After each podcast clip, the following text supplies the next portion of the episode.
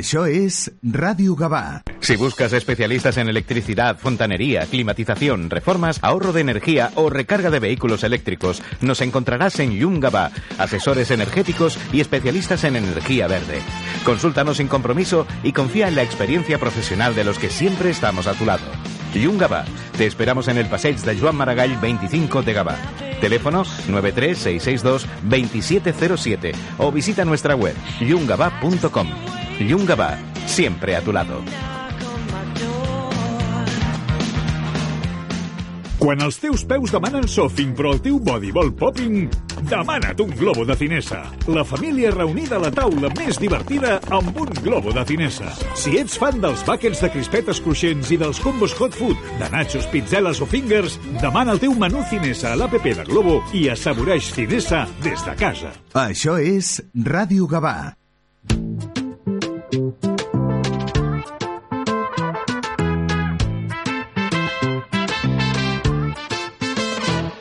Poc a poc vull trobar la manera de no tornar a mirar enrere, de trobar la drecera, tancar la ferida i treure la cera. Només vull ballar amb la pena i el teu amor per bandera. Que el temps no ens atrapi, no, no vull aquesta condemna. Cada dia surt el sol, tant si plou com si no plou. I mica en mica omplirem la pica de cançons. A fall.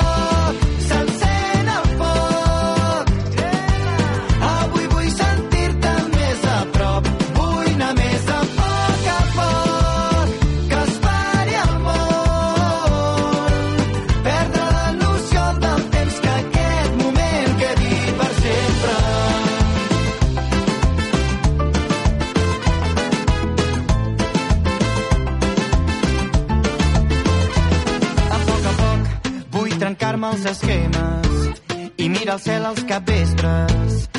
Vull fer la foguera, tirar-hi els complexes i cremar els problemes. Només dir-te cau d'orella que no cal guanyar la guerra. Tot anirà massa bé, m'ho van dir les estrelles. Cada dia surt el sol, tant si plou com si no plou. I mica en mica omplirem la pica de cançons. A poc a poc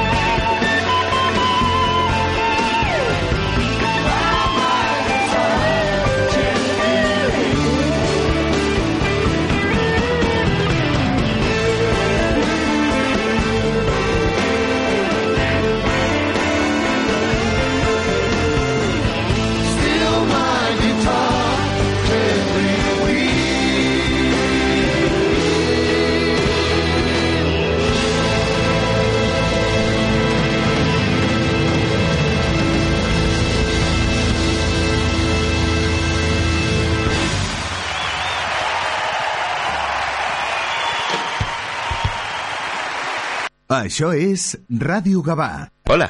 Vida Mejor, tu inmobiliaria en Gabá, tiene un plan sencillo para que vendas tu piso seguro y es que disponemos de más de 2.400 compradores para ti. Además, Vida Mejor pone a tu disposición un magnífico equipo de expertos inmobiliarios y coordinadoras que te acompañarán hasta el mismo día de la notaría.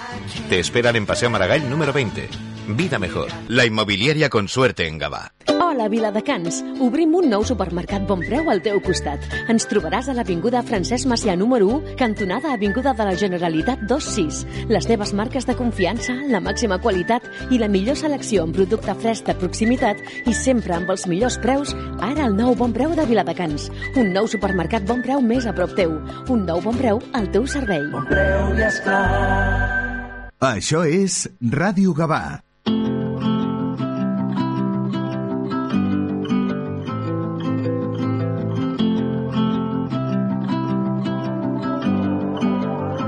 Don't tell me this is all for nothing. I can only tell you one thing. On the nights you feel outnumbered, baby, I'll be out there somewhere. I see everything you can be. I see the beauty that you can't see. On the nights you feel outnumbered, baby, I'll be out there somewhere. I could have showed you all the scars at the start, but that was always the most difficult part. See, I'm in love with how your soul's a mix of chaos and art, and how you never try to keep them apart. I wrote some words and then I stared at my feet, became a coward when I needed to speak. I guess love took on a different kind of meaning for me, so when I go, just know it kills me to leave. To all the stars that light the road. Don't ever leave that girl so cold. Never let me down, just lead me home. Don't tell me this is all for nothing. I can only tell you one thing. On the nights you feel outnumbered, baby, I'll be out there somewhere.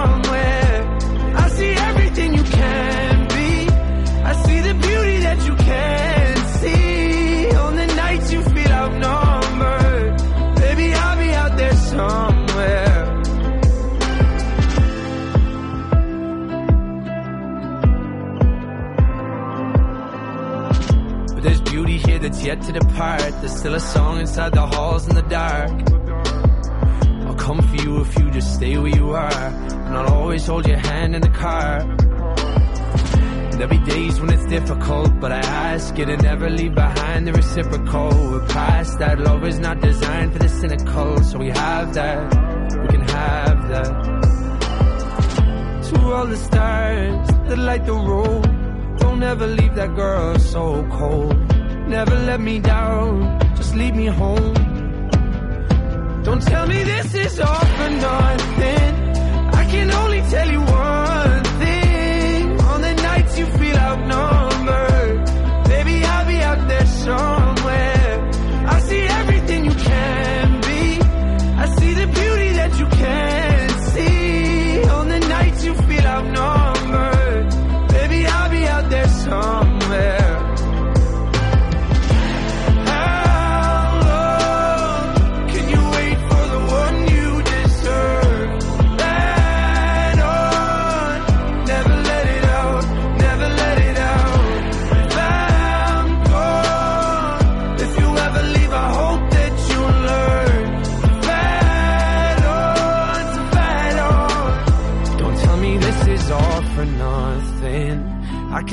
tell you one thing. On the nights you feel outnumbered, baby, I'll be out there somewhere.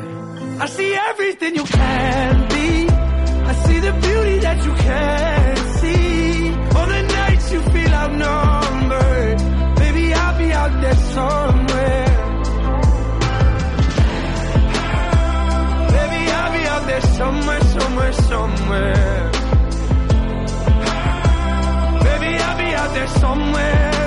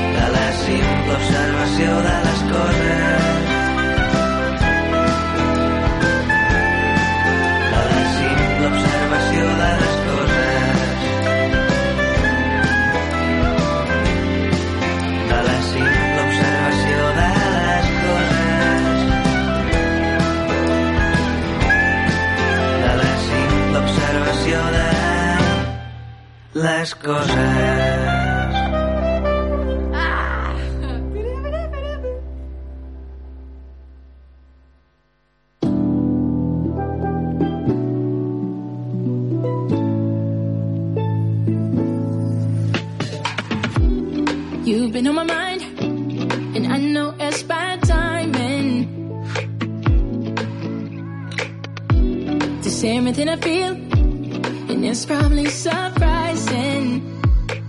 Uh, it's been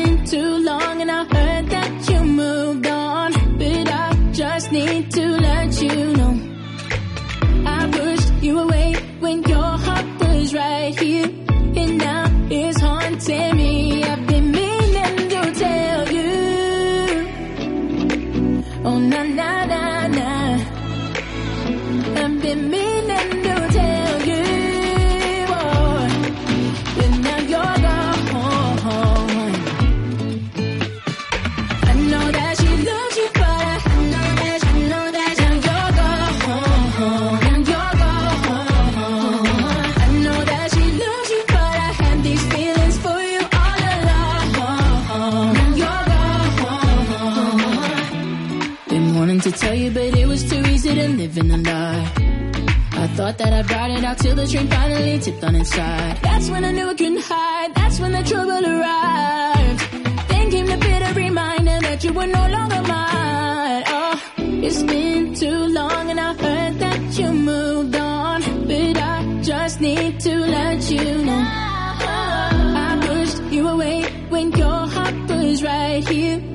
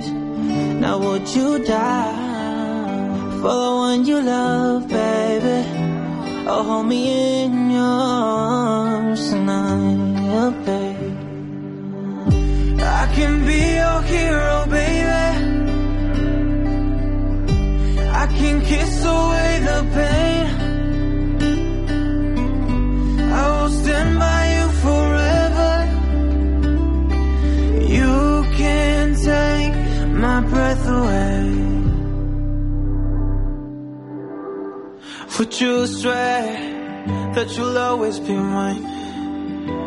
Or would you lie? Would you run and hide? Am I in too deep?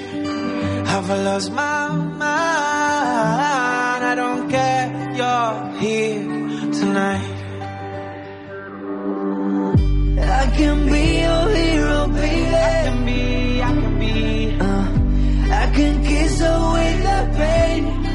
away the pain. I will stand by you forever.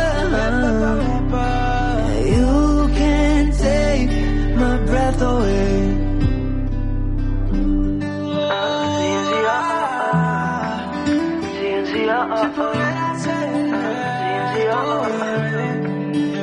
Am I too deep? Have I lost my mind? Well, I don't care, you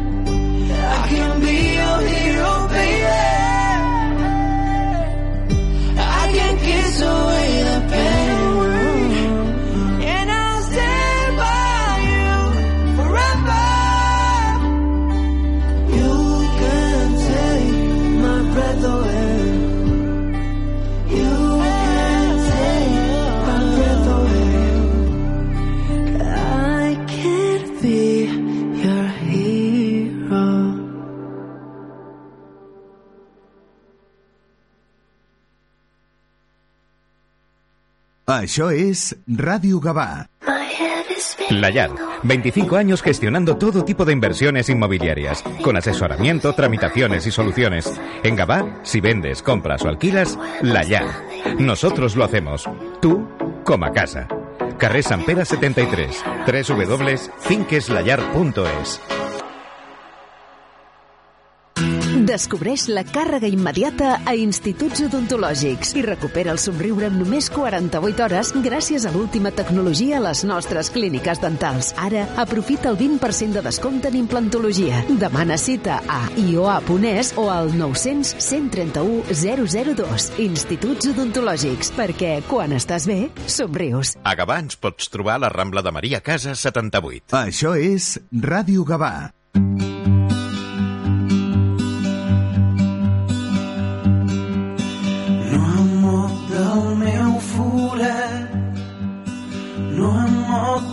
aquí.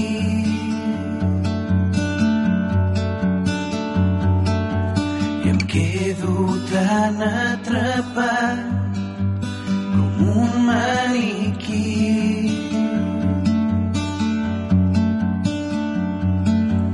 A casa tot sembla millor. Cap crit, cap plat brut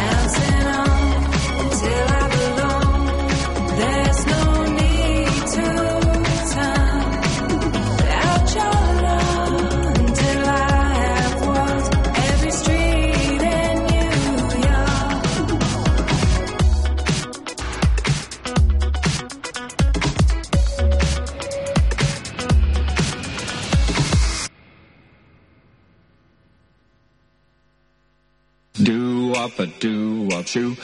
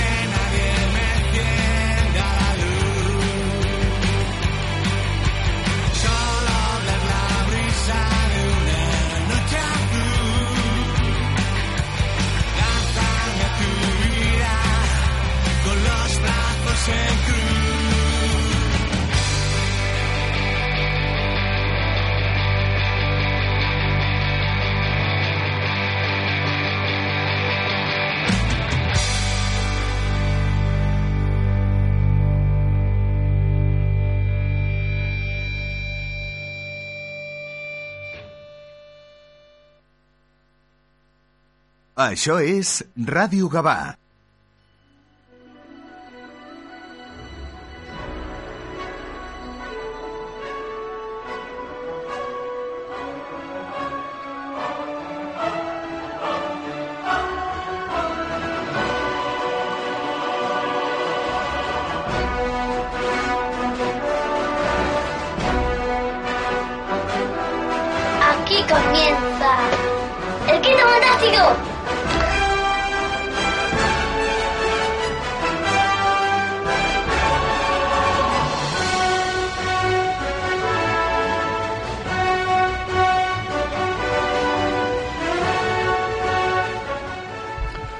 8 de la mañana y 47 minutos. Muy buenos días y bienvenidos a una nueva edición del Quinto Fantástico, episodio 9 de la novena temporada. Volvemos a nuestro horario habitual, ya asentado un poco los horarios laborales, todo faena personales y que tiene uno. Y bueno, hemos, nos hemos sentado y sobre todo con, mucha información comiquera y con el Salón del Cómic de Barcelona prácticamente a las puertas el primer fin de semana, el primer fin de semana de abril. En primer lugar, dar los buenos, buenos días hoy a nuestra más valquiria que nunca, que nos llevará al campo de una batalla, de una guerra muy especial. Doña Maite, muy buenos días.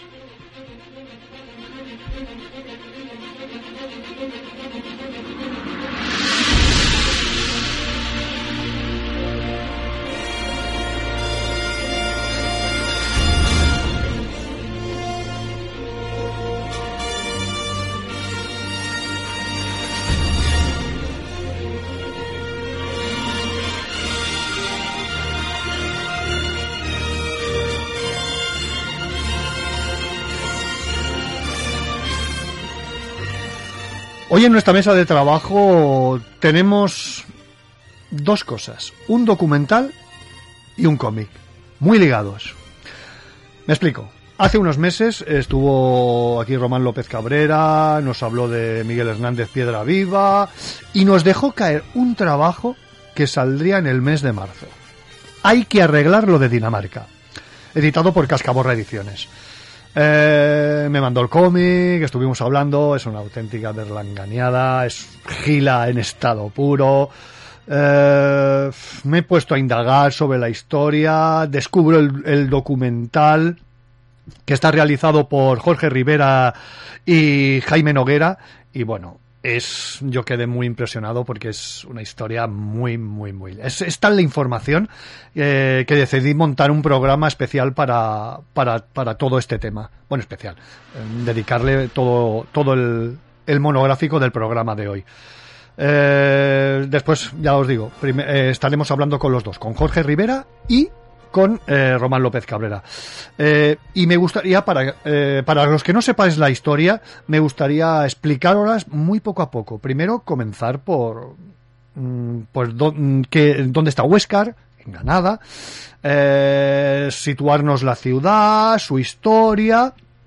Después ya empezaremos a saber algo del conflicto, de la mano de los amigos de Puerta Balcón, nos han eh, están en YouTube, una página muy muy muy recomendable y, bueno, a través de estas tres o cuatro introducciones nos meteremos sobre las nueve y cuarto más o menos, nos meteremos en, en la entrevista tanto a- con Román como, como con Jorge.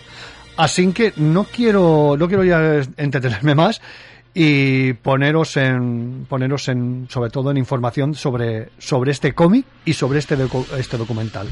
Maite, velocidad de curvatura.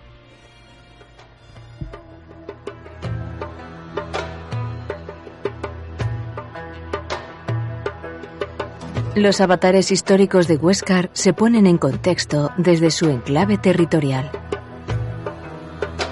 Huéscar se encuentra en la conexión natural que da acceso a Murcia desde Granada por el itinerario del Camino Real hacia Caravaca.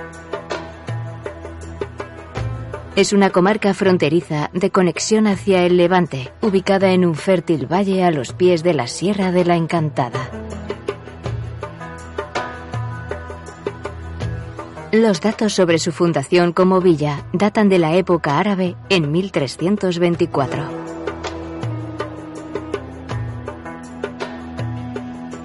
La villa de Huéscar estaba amurallada en todo su perímetro. Contaba con torres defensivas y cuatro puertas que daban acceso a la Medina. Hay conflictos bélicos. Poseía una importante alcazaba donde se emplazaba el poder político y militar. La torre del homenaje aún persiste en este lugar. La Medina estaba formada por calles estrechas y sinuosas.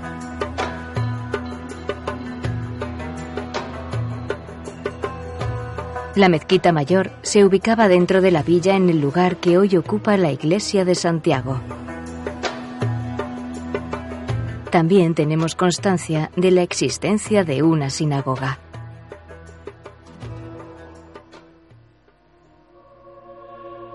En 1488 la villa de Huéscar se somete al reino de Castilla en una campaña dirigida por el propio rey Fernando el Católico.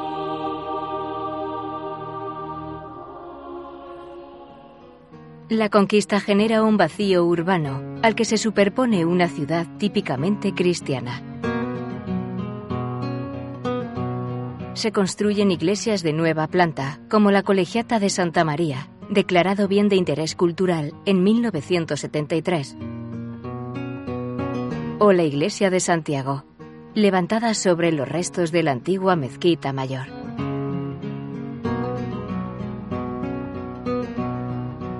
Diferentes órdenes religiosas se asientan en Huéscar y se ubican estratégicamente en los accesos a la ciudad.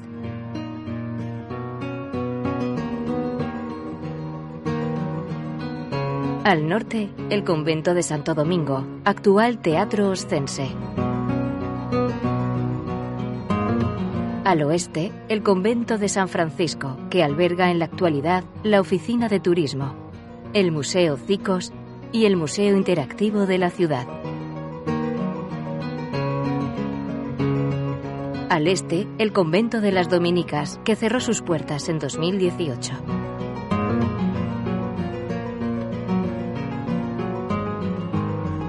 El crecimiento de la ciudad se produce con un urbanismo en cuadrícula, con vías, manzanas y viviendas amplias y nuevos espacios públicos abiertos como la Plaza Mayor o el Paseo de Santo Cristo.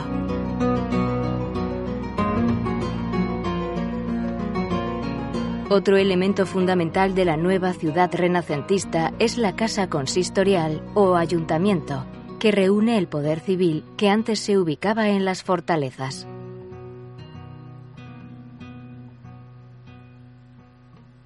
La Edad Moderna traerá a Huéscar una época de gran desarrollismo, destacando el comercio de lana y la ganadería, que permitirá la construcción de importantes casas señoriales.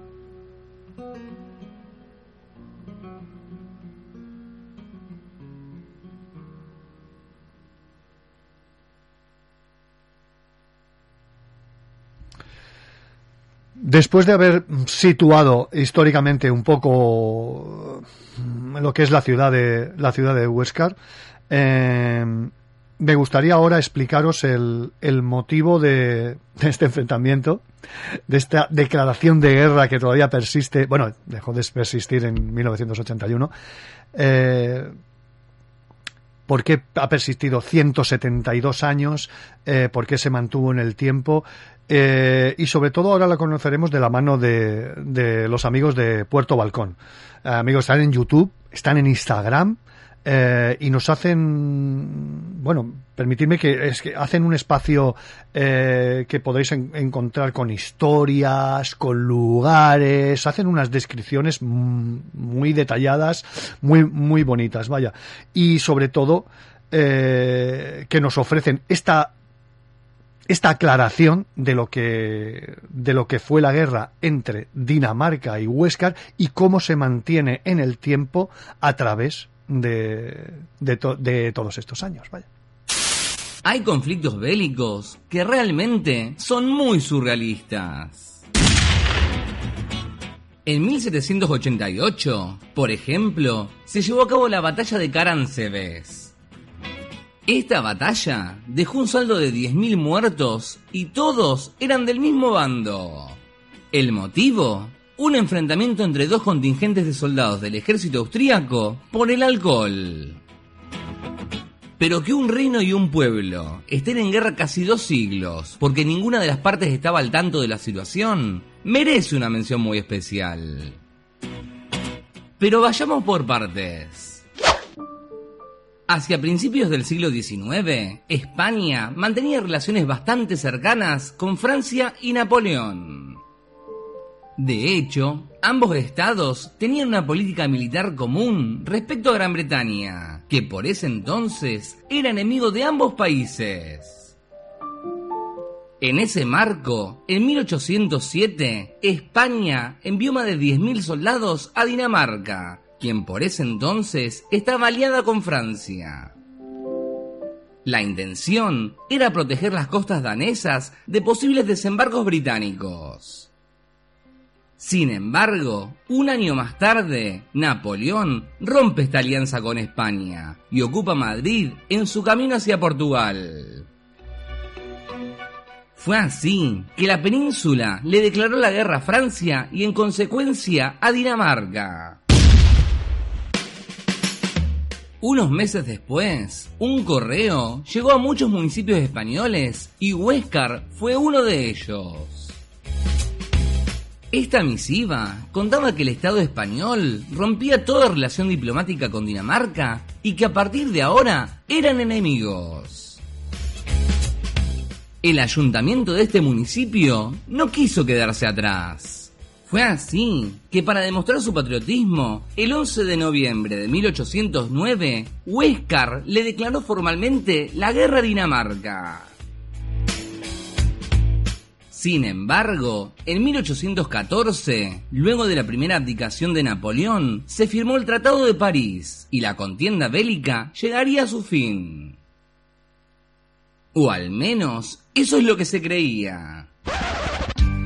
España resolvió todos los conflictos que tenía con Francia y Dinamarca, pero absolutamente nadie se acordó de la declaración de guerra de Huéscar. Los años siguieron pasando con total normalidad, hasta que en 1981 el archivero municipal encontró de casualidad el documento.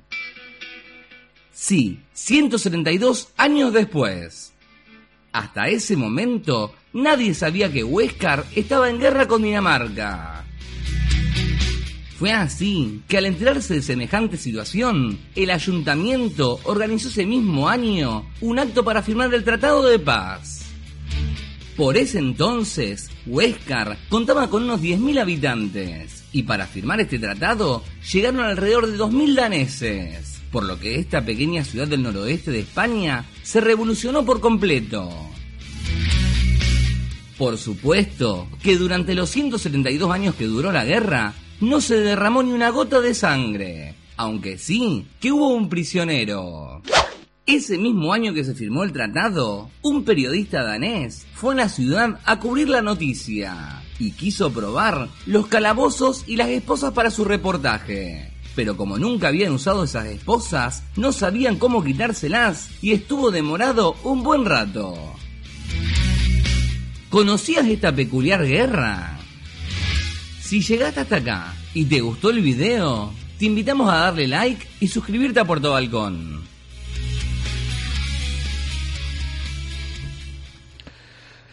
Os, os recomiendo sobre todo eh, escribiros en a esto a estos amigos de Puerto Balcón porque tienen tienen muchas historias y sobre todo buscan mucho y mucha información, mucho mucha documentación para acreditarse y sobre todo para realizar estos vídeos. A mí me llamó muchísimo la atención, me puse en contacto en contacto con ellos y bueno, encantados de, de que aparezcan en el Quinto Fantástico aquí en Radio Gabá, en ofrecer su, su peque aportar su pequeño granito de arena a esta historia.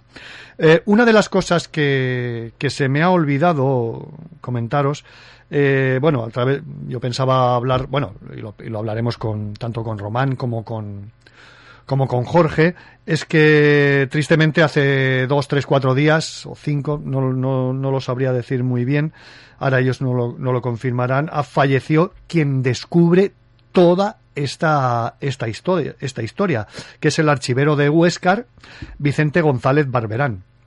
Eh, él es, bueno, aparece en el cómic, tiene un papel muy protagonista, aparece en el documental, por supuesto, es pi- pieza, pieza clave en, en ello y nos ha dejado. Yo creo que desde aquí se- es un bonito, un bonito homenaje este programa eh, que realizaremos junto con Román y con Jorge dedicado a, a la figura de a la figura de Vicente González Barberán ya que es el, el me repito el pilar de, de, este acontecimiento. Eh, el cómic está editado por el cómic está editado está editado por Cascaborra Ediciones, en su afán y esa línea editorial que tienen de de muy, muy cómic histórico, muy documentado, muy gráficamente, muy gráficamente dibujado por grandes autores, hay propio Román, Marquina, en fin, hay una serie, Roberto Corroto, bueno, hay una serie de autores que, que están ahí y que dan a este, dan a estas, estas, a esta línea argumental histórica algo muy, muy jugoso de, de tener. Eh, bueno, pues ahora. mm, fijaros que ellos empiezan. Ahora vamos un momento con el. con el.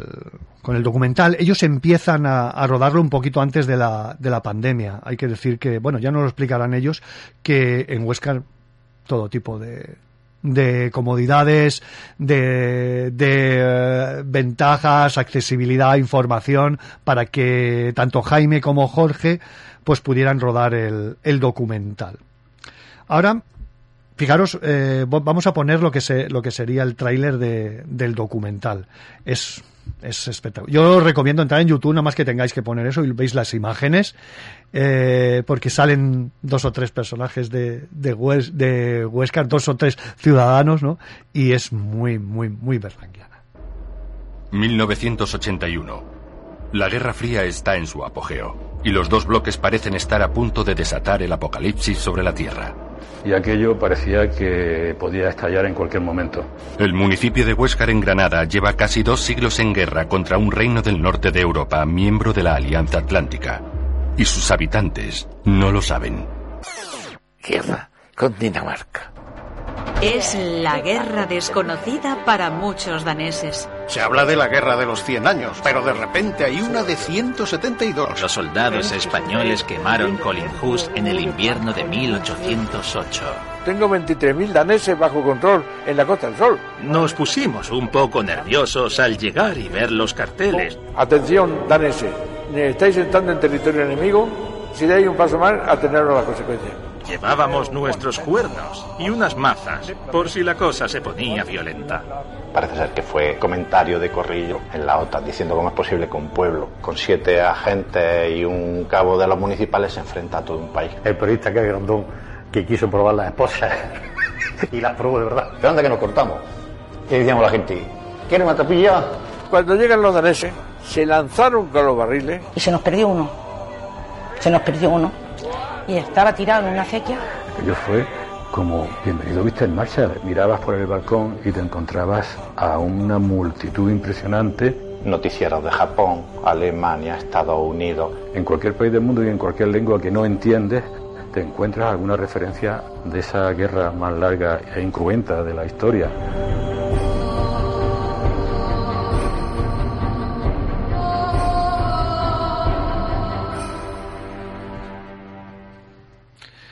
Fijaros, como he dicho, es el trailer ya este deja con, con los dientes largos de decir, me gustaría saber qué, qué es lo que ocurrió aquí, eh, cómo se descubre, cómo pasan esos 172 años, cómo se origina la guerra al principio, bueno, la guerra napoleónica, la guerra que tenía Francia con Inglaterra, cómo se traslada a España, cómo se le da la vuelta a la tortilla de que España eh, era aliada y después se convierte en enemigo. Bueno, en fin, eh, no, lo, no lo irán descubriendo muy poco a poco. Eh, el- en noviembre pasado, el pasado 11 de noviembre, se cumplieron 41 años eh, de, de la firma de la paz. Se proyectó en el, en el teatro, en el, teatro de Huéscar, se proyectó el documental con un público eh, de lo más idóneo y correcto que fue ni más ni menos que la Escuela de Arte de Huéscar. ¿no? Acuden al teatro. mm, hay un- os voy a poner ahora el vídeo, eh, bueno, el vídeo, el audio de, de YouTube para que para que escuchéis eh, de qué manera los jóvenes del propio pueblo de, Huesca pues eh, dan esa bienvenida a esta historia, ¿no? Y se alegran de que de que Huesca pues tenga ese ese pequeño granito de arena en, en dentro de, de- la vasta historia de las guerras y, creo que es, es una preciosidad. Y sobre todo, sobre todo, mm, esto fue en el 2022, en el 2021, eh, tanto Jaime como, como Jorge ya proyectaron el, documental en muchos cines. A perdón, no he dicho, a través de 39 escalones films. Así que vamos con la siguiente.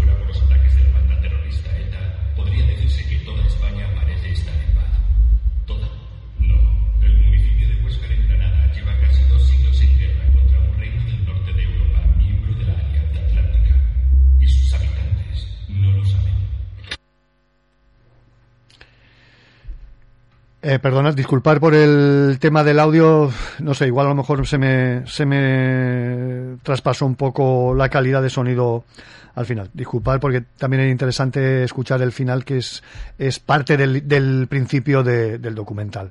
Eh, me gustaría también destacar, antes de, empezar la entrevista con ellos, me gustaría destacar sobre todo el cómic, el cómic de Román López Cabrera y sobre todo el color de Marina Armengol más. Marina Armengol nunca la, la- a ver si un día la tenemos aquí, porque es que me gustaría hablar con ella porque tiene una faena y sobre todo siempre aparece en los, en los agradecimientos de, de Román eh, por todo el trabajo realizado en prácticamente todo, todos sus cómics. Eh, el cómic es una auténtica gozada porque es el, apéndice perfecto al documental, ya que hay muchas, muchas, muchas escenas, muchas situaciones políticas y muchas situaciones históricas que han, que han pasado y que no se pueden, porque los personajes ya han muerto, porque, bueno, tenéis que contratar actores, me imagino que también se les va de presupuesto, pues ya os diré que, que esto ha sido un crowdfunding, que esto ha sido una, eh, muchas subvenciones por parte de la Junta de Andalucía, en fin. Eh, en fin, ha habido mucha mucha subvención para realizar este este documental y entonces por se dispara. Entonces, ¿qué, ¿quién es el que logra eh, este este compendio para para poder realizar esa puesta en escena para que, según qué personajes de esta historia, puedan estar y puedan hablar y tú puedas verlo. Lo realiza Román López. Es, eh, sobre todo en la época, en la primera parte del cómic, es muy histórica, ¿no? Es muy, muy, muy de, de sucesos que han ocurrido. Eh, no quiero decir ningún spoiler para que vosotros lo vayáis descubriendo porque es, es un cómic muy interesantísimo. Eh, el prólogo del cómic, el prólogo del cómic lo hace Jorge Rivera.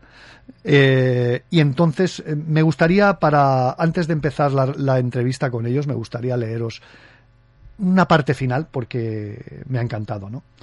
Porque esta maravillosa historia da para mil y una adaptaciones. Hay tanto material en estos 200 años, tantos personajes maravillosos, tantas anécdotas, que estoy seguro de que esta versión de la historia no será ni la última ni la antepenúltima. Los trazos de Román no solo ilustran la historia a la perfección con ese regustillo ochentero, ya sabéis aquí lo que nos va mucho el, el- tema ochentero, eh, que también van con la historia y que transpira la herencia Gila, Ibáñez, Berlanga, Cuerda. Entre muchos otros retratistas de cierto españolismo de cómo éramos, de cómo éramos en aquellos años. Y de lo que afortunadamente nos queda. Y es que esta historia no sería posible en otro sitio que en un pequeño pueblecito en el sur de España. En nuestro caso, con estos oscenses agasajando a los daneses que, según cuentan las fuentes, tuvieron que ser acarreados a los autobuses como sacos de patatas. La, hospitalidad, el cachondeo y esa sana incoherencia de los pueblos son valores que, que perviven en Huéscar y que, corriendo los tiempos que corren, faltan en demasiadas partes del mundo. Ojalá más guerras como esta, donde se derrame vino en vez de sangre. Y al final del todo, Jorge, levanto mi vaso de picoso por el picoso es un vino. Levanto mi vaso de picoso por el éxito de, de este cómic. Bueno, pues así, prácticamente sin más, nos vamos con Jorge y con Román.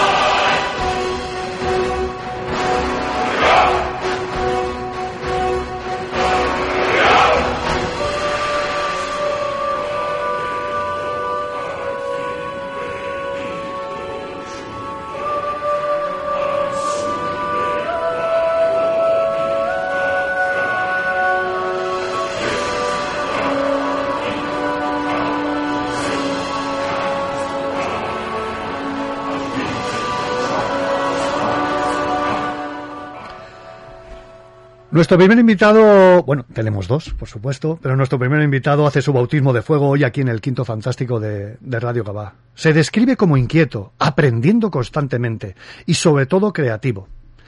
Destacó por sus vivencias en, en Dinamarca. Mm, Hizo allí, se ve, varios máster en economía y la experiencia le ha hecho director de cine, director de teatro y convertir en esta historia todo, en, todo, en todo un documental para deleite de- del espectador. Don Jorge Rivera, muy buenos días y bienvenidos al Quinto Fantástico de Radio Gabá. Muy buenos días, ¿cómo estamos? ¿Cómo estamos? Te he hecho madrugar ahí un poquito, ¿eh? Eso sí, eso sí, digo yo, esta gente a, la- a las 9 de la mañana hablando por la radio, digo, es una voz que, que no veas, pero bueno, ahí, para eso estamos. Bueno, eso es importante. Ya re- recién aterrizado de Málaga, eh, ya descansando y asentando ideas, ¿no? ¿Has presentado allí cositas? Sí, hemos presentado un, un cortometraje que está basado en una obra de Valle Inclán, que es el debut de, de Pedro Casablanc en la dirección, y un, un documental que estamos terminando ahora sobre la, la memoria del, del actor Jorge Rigol, que fue muy famoso por El Día de los Enamorados, que, yo produzco y dirige José Manuel Serrano Cueto. Después nos hablarás de estas dos historias, porque sí, porque eh, una es una historia, la, la, la de Pedro Casablanc es una historia de bandoleros, que lo- he leído ahí un poquito pinceladas y demás. Sí, sí, sí, bandoleros, eh, decimos que es un western, porque Sí. tiene ese, ese toque de western, pero son los bandoleros, no los bandoleros que tenemos tipo Curro Jiménez, ni los western de indios y vaqueros, sino gente gente de la tierra de, de una época que ya pasó, ¿no?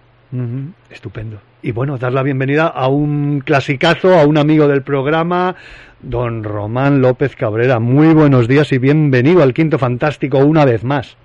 Hola, buenos días. ¿Qué tal, Román? ¿Cómo estás? Muy bien, muy bien. Asentando todavía de, la visita a Huescar, ¿no? Porque creo que el sábado estuviste allí. Eh, sí, estuve estuve presentando el cómic el viernes y el sábado fui a, a Granada y, y ya me volví desde, desde Huesca, me volví para casa y bueno, sí, un poco ya retomando la normalidad. Estupendo, estupendo. ¿Cómo se lo ha tomado la gente de allí? ¿Te, ¿Hubo recibimiento cálido? ¿Estuviste bien? Pues de momento bien, eh, fue más más gente que la que la vez anterior porque en noviembre estuvimos Jorge y yo presentando el cómic, eh, bueno, lo que tenía del cómic hasta ese momento allí y la verdad es que hubo poquita gente, pero esta vez ha habido alguna más. Y bueno, de vez en cuando nos paraban por la calle al día siguiente a Julián y a mí, eh, al editor y a mí, eh, pues gente que ya se lo había leído eh, para darnos la enhorabuena y demás. Y sé de gente también que, que me ha ido preguntando, gente que no pudo estar, que me ha ido preguntando dónde lo podían comprar allí. O sea que, de momento, mm, mi, mi, yo salí contento de, de la presentación. Bueno, de las presentaciones, porque tuvimos también eh, dos sesiones en el teatro con, con varios cursos de, de, de colegios y de institutos. Y, pero bueno, claro, la prueba de foco era la presentación de la tarde, que es la de público abierto, con ya gente adulta que sabía bien, eh, o que supones que sabe bien el tema y que esperas que en cualquier momento te corten para decirte, no, no, esto no era así. Eh, ¿Os habéis, Así que bien. ¿Os habéis llevado los dos una grata impresión, Jorge, en la presenta por ejemplo, en la presentación del, del documental allí el año pasado, en noviembre, que Mm. hay mucho, no sé, me da la impresión de que en Huescar hay mucho arte. Por ejemplo, eh, al vuestro fueron la escuela de arte de, de allí de Huescar, ¿no? Sí, sí, bueno, yo creo que hay, hay muchas sorpresas, ¿no? Una es, bueno, yo tenía el mismo miedo que, que Román, lo teníamos nosotros, ¿no? Mi, mi socio, el guionista Jaime Noguera, y yo, de decir, bueno, a ver cuando le pongamos la película si van a, a sacarnos del pueblo a pedradas, ¿no? Eh, pero, pero que va, lo- lo- una- un recibimiento espectacular, cariñosísimo, y diría que hemos hecho amigos y amigas allí en el pueblo, ¿no? Y volvemos, todos los años volvemos, pues, por lo menos una vez para, para poner la película y para, y para otras cositas, ¿no? Y, y desde luego sí, o sea, un pueblo con muchísima historia, tiene mucha, mucha, mucha historia y tiene mucho arte. Desde luego la, la gente que dices de, de la escuela de arte, yo me quedo impresionado cada vez que voy con las exposiciones que hacen, ¿no? Porque son, bueno, pues es un sitio que tú dirías tan pequeñito, que realmente está alejado, quieras que no, de, de la ciudad y eso, y es eh, increíble lo que hacen los alumnos y alumnas de la escuela. Fíjate, y también a través de, por ejemplo, del cómic me he dado cuenta, y bueno, lo refleja Román, que hay un museo del cómic. ¿Llegaste. ¿Y llegaste, has, has estado en él? Sí, sí, de hecho todo nació por eso, porque yo fui el año pasado, eh, creo que el, el día del libro, creo que fui el fin de semana del día del libro eh, a, a presentar el cómic de Miguel Hernández y, y me llevó Julián allí. Hicimos una especie de ruta por varios sitios, por Granada, eh, Ciudad Real, Jaén y demás, y terminamos en, en Huescar. Y yo dije, bueno, pues pues Huesca no he oído hablar nunca de, de este pueblo pero bueno si me eres además da la casualidad la casualidad no eh, evidentemente es por es, es por eso no que es el pueblo de de Julián bueno de sus padres y demás donde vive su padre tal. Entonces eh, pues me llevó ahí sobre todo porque eso porque tenían un museo del cómic que el museo José de Huescar que lo tenían pues sin hacer actividades sin hacer nada y y se les había ocurrido pues eso hacer unas jornadas de cómic en las que iba a ir pues cada semana un, o cada dos semanas no sé cuánto cada cuánto fue. Pues un autor iba las, las jornadas las inauguré yo luego iba Jordi Bayarri iba a ir el Torres pero se puso malo y al final no pudo. Y creo que no sé si había alguien más pero claro, yo, yo fui en principio por eso, con la excusa de, de darle un poco de movimiento al, al museo y de hecho eh, tanto la presentación de noviembre como la de como la del otro día también la hicimos en el museo, claro. Jorge, ¿cómo llega? Bueno, la yo te la he escuchado bastantes veces, pero me gustaría saber, la, yo, la cara que pones cuando Jaime te comenta esta historia. La, has contado, pero, pero es que vamos, la cara se te tenía que quedar de pasta de moniato, como decimos aquí. Total, total, ¿no? Te, o sea, te, te aseguro. Yo, yo a Jaime, bueno, le conozco desde hace muchísimos años, ¿no? Porque él, eh, bueno, eh, tiene una trayectoria larga en Málaga, ha sido el director del, del Festival de, de Benalmádena, ¿no? El Festival de Cine de Benalmádena y tal, y, nos conocíamos de hace un montón de años. Y, una vez que tuve yo, yo trabajaba en Dinamarca como gestor cultural, y entonces monté un festival de, internacional de cine, y en 2017, que yo estaba empezando a pensar en volverme para, para España, pues invité a Jaime a presentar un libro que él había hecho sobre Hitler en el cine. Y entonces, bueno, lo primero me pregunta Jaime, que es un, un fricazo de la historia, es un hombre que sabe mogollón de, de historia, me dice, oye, ¿hay algún museo de la guerra hispano-danesa? Entonces yo le digo, ¿qué me cuentas? ¿Qué me estás diciendo? Digo, que, que yo he estudiado aquí un montón de cosas para, para sacarme los títulos aquí en Dinamarca y no, no hay nada de, de que haya una guerra entre España y Dinamarca. Y entonces me empezó a contar esta historia y, y bueno, yo, yo no sé la cara que pondría, pero lo que sé es que después de un rato hablando dijimos, mira, si me vuelvo para España hay que hacer esta historia porque va a ser divertidísima, eh, súper absurda y además, bueno, pues une los, Pero- los dos países en los que yo viví. Pero Jorge, Jorge, yo no sé qué tiene esta historia, que a los dos nos pasó lo mismo. O sea, Mm. conforme nos, nos la contaban, yo creo que los, no, no sé tú, pero por lo que cuentas parece que sí. Yo, yo al menos lo tuve clarísimo, que, que quería hacer algo con eso. O sea, fue, fue, fue instantáneo. Conforme Sí, sí, me lo estaba contando lo. Antonio, o sea, sí, sí. Es que, no, no, de- os- eso sí que os pido, que si podéis, si tenéis que deciros algo, decir, bueno, aparte que ya os conocéis y bueno, creo que habéis Mm. trabajado sobre todo por el prólogo y tal, que no, que lo, po- lo podéis comentar.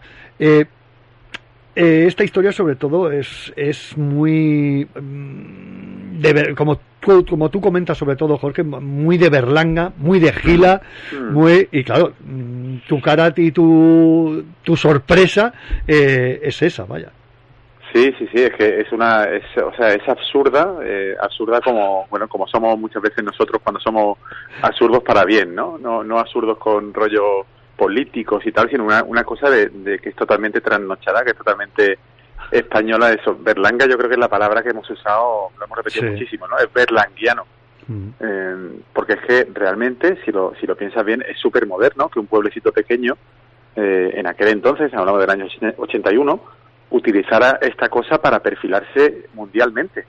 O sea, hoy que se habla del branding de la ciudad, es decir, de cosas así muy modernas, ya lo habían hecho en aquel entonces, ¿no? Era una cosa súper súper avanzada para su época y a través de una historia bonita, o sea, algo que hubiese podido ser un enfrentamiento y decir a partir de ahora somos enemigos de, de tal, eh, hacerlo para el contrario, para hacer una fiesta de paz y para hacer un encuentro entre dos culturas que al final incluso le ha valido a, a Huesca un título de Ciudad de la Paz a nivel europeo. O sea, hablamos de que realmente tornar algo así, bueno, que podía haber sido insignificante o podía haber sido incluso malo en algo muy bueno, ¿no? Y, y toda la historia y todos los chascarrillos que hay por debajo, del que no tenemos, yo estoy seguro que no tendremos ni la mitad, porque es que hubiésemos hecho, nosotros hubiésemos hecho cuatro películas y Román 14 cómics, seguramente.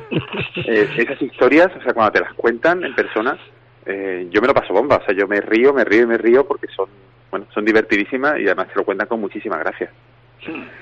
Fijaros que hay un, mm, como bien dices tú en el prólogo, Jorge, hay una diferencia entre, entre lo que es el documental y el cómic, ¿no? Y que agradeces, sobre todo, a que Román, pues haya puesto esta pequeña, eh, este granito de arena para poder desarrollar el cómic, porque hay situaciones que en el documental pues no se pueden dar, como por ejemplo, eh, que se- según qué personajes de la historia, eh, no puedes ponerlo, porque ha fallecido evidentemente, pero que, que Román busca, indaga para buscar esos diálogos entre Kidelan, el Capitán Costa, ¿no? Has tenido que buscar mucho, ¿no, Román, en, en ese aspecto? Sí, sí, sí, bueno, eso, esas fases siempre son pues complicadas, ¿no? Porque, porque o no das con el dato, o das con datos contradictorios, y te tienes que quedar con alguno.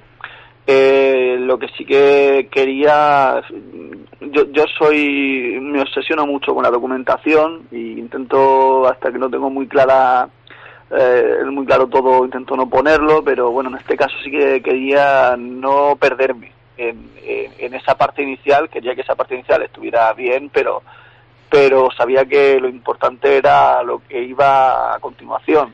Y desde luego no, pues eso, no quería perder demasiado tiempo en eso, eh, pero aún así hasta que no conseguí ciertos datos eh, no conseguí, no, no, no podía eh, eh, ponerlo porque mi cabeza es así. Yo te tengo, que pre- te tengo que preguntar por uno. Fíjate, en la parte del cómic, el, eh, cuando llega el clérigo, el Mm. clérigo eh, escocés, perdón, el Jake Robertson, y le, le recita lo del, lo de, le recita el, el cantar del, Sí. el cantar del mío Cid. ¿Eso ocurrió? Eh, ¿tienes, te- te- Eh, ¿Tenemos constancia? Sí, según las fuentes sí, lo que lo que eh, sí que es cierto que el- los versos que le recita eh, los elegí yo al azar, bueno, al azar no, estuve mirando hasta que vi, di con unos que me, que me gustaron y eh, pero pero no, no di por ejemplo con ese dato con, con qué, qué versos concretos del, del mío Cid eh, le recito a lo mejor Jorge sí que sí que lo sabe pero yo no. yo no di con eso pero sí sí es- lo, he- lo encontré en varias fuentes y y vamos parece ser que, que es así. Es que es, es que esta historia es, es es rara eh, es increíble ya desde el principio. Es que es que cuando yo di con esto con lo del clérigo escocés disfrazado de mercader alemán eh, mm, metiéndose, eh, cruzando toda Alemania para llegar a, para dar un mensaje. O sea, es que, eh, no sé, me parecía todo tan, tan de película, eh, tan Sí, pero- difícil de, de, de- de- de contar a, una- a alguien y, y que se lo crea. O sea, Mm. es que no, no, es que ya no es solo desde que, desde que Vicente descubre el, el eh, todo, todo lo de la guerra de, de, de- de 172 años, sino, sino, sino que la propia historia original ya tiene sus pequeñas eh, cosas interesantes, ¿no? Que por cierto, hay que decir que el, creo que fue el sábado falleció Vicente, Vicente González Barberán, el, el archivero de entonces y el, el del cómic y, bueno, supongo que uno de los puntos fuertes del documental de, de Jorge porque fue el protagonista el que destapó todo todo esto, el que hizo el artículo original que en mi caso da nombre al, al cómic y, y bueno, al que le debemos toda, esto, toda esta historia porque si no se habría quedado en los papeles hasta hasta el infinito seguramente. Sí, Yo quería decir que la, para mí la, la gran diferencia entre el cómic y, y la película es que el cómic indaga mucho más en esta parte histórica, ¿no? Nosotros como en la película hablábamos más de lo que era la, la fiesta que hubo, ¿no? En el 81 y lo que ocurrió después de la hermandad y la paz y eso, eh, la parte histórica la, la contamos en 15 minutos. Pero os aseguro, o sea, nada más que de lo que teníamos grabado, podríamos haber hecho un documental de hora y media solo sobre eso, porque no solamente fueron las tropas en el camino para allá, ¿no? Que me contaba Daniel Aquillué, un doctor en historia al que entrevistamos, eh, hay diarios de los soldados en el camino hacia allí, ¿no? Eh, tenemos diarios y tenemos el, encuentro también documentado por patrimonio también allí en la ciudad de Colin sobre cómo recibieron a los españoles, cómo se vieron, etcétera, y luego todo lo que pasó a partir de que los españoles volvieron a España, los que se quedaron allí siguieron su andadura y acabaron en Rusia con el zar llegaron a España varios años más tarde, o sea, hay hay un montón de películas y la fuga, digamos, de los españoles de Dinamarca es otra película también que, la, comparan con, una cosa épica como Dunkerque o las grandes producciones eh, americanas, ¿no? Y, yo diría eso, para mí la, gran diferencia es que Román ha hablado bastante de la, de la historia, ¿no? De toda esa, cómo se llega a la declaración de guerra y, y yo me he centrado más en los personajes que nos quedaban eh, a la mano, ¿no? Y que nos contasen las historias de primera mano y poner, bueno, los vídeos de cómo han sido las visitas y eso. Y, y un capítulo que a mí me dio mucha pena, que también se cuenta en, en el cómic, es lo del Capitán Costa, ¿no? Me pareció también un, una cosa muy bonita, solo que no la metimos por, por duración y que también sigue, bueno, tenemos vídeos, ¿no? De, de personas ilustres yendo a visitar la tumba del Capitán Costa allí en Dinamarca y, en fin, hay, hay muchísimas historias para contar ahí. Es que es. mm, A mí me quedó bloqueado, sobre todo cuando. eh, No quiero desvelar nada para que el lector lo, lo descubra o el, el espectador que visualice eh, el, el documental. Pero vamos, la historia de, de Antonio Acosta es, es. Bueno, y ese final. Bueno, no, voy a dejar ahí. Mm. Y a raíz de lo que dices tú, Jorge, eh, es que hay una película, porque hay unos españoles que se, eh, claro, vuelven a España para defender la invasión de Francia y tal, y otros que se quedan y, y a muchos les dan eh, la opción o te unes a las tropas napoleónicas o lo que dice, lo que has comentado tú, que no lo sabía, que te vas a, te, te vas a Rusia.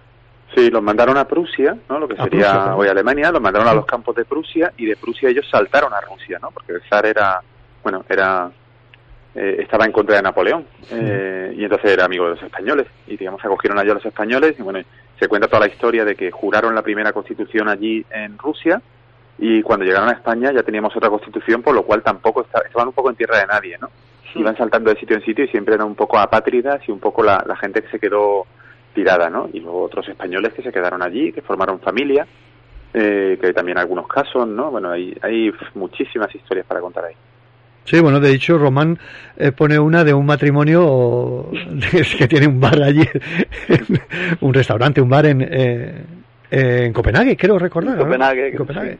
sí. Eh, una eh, la narración de, sobre todo de los de de los de los periodistas daneses en, bueno es que es increíble no es que es un es son tácticas de guerrilla directamente.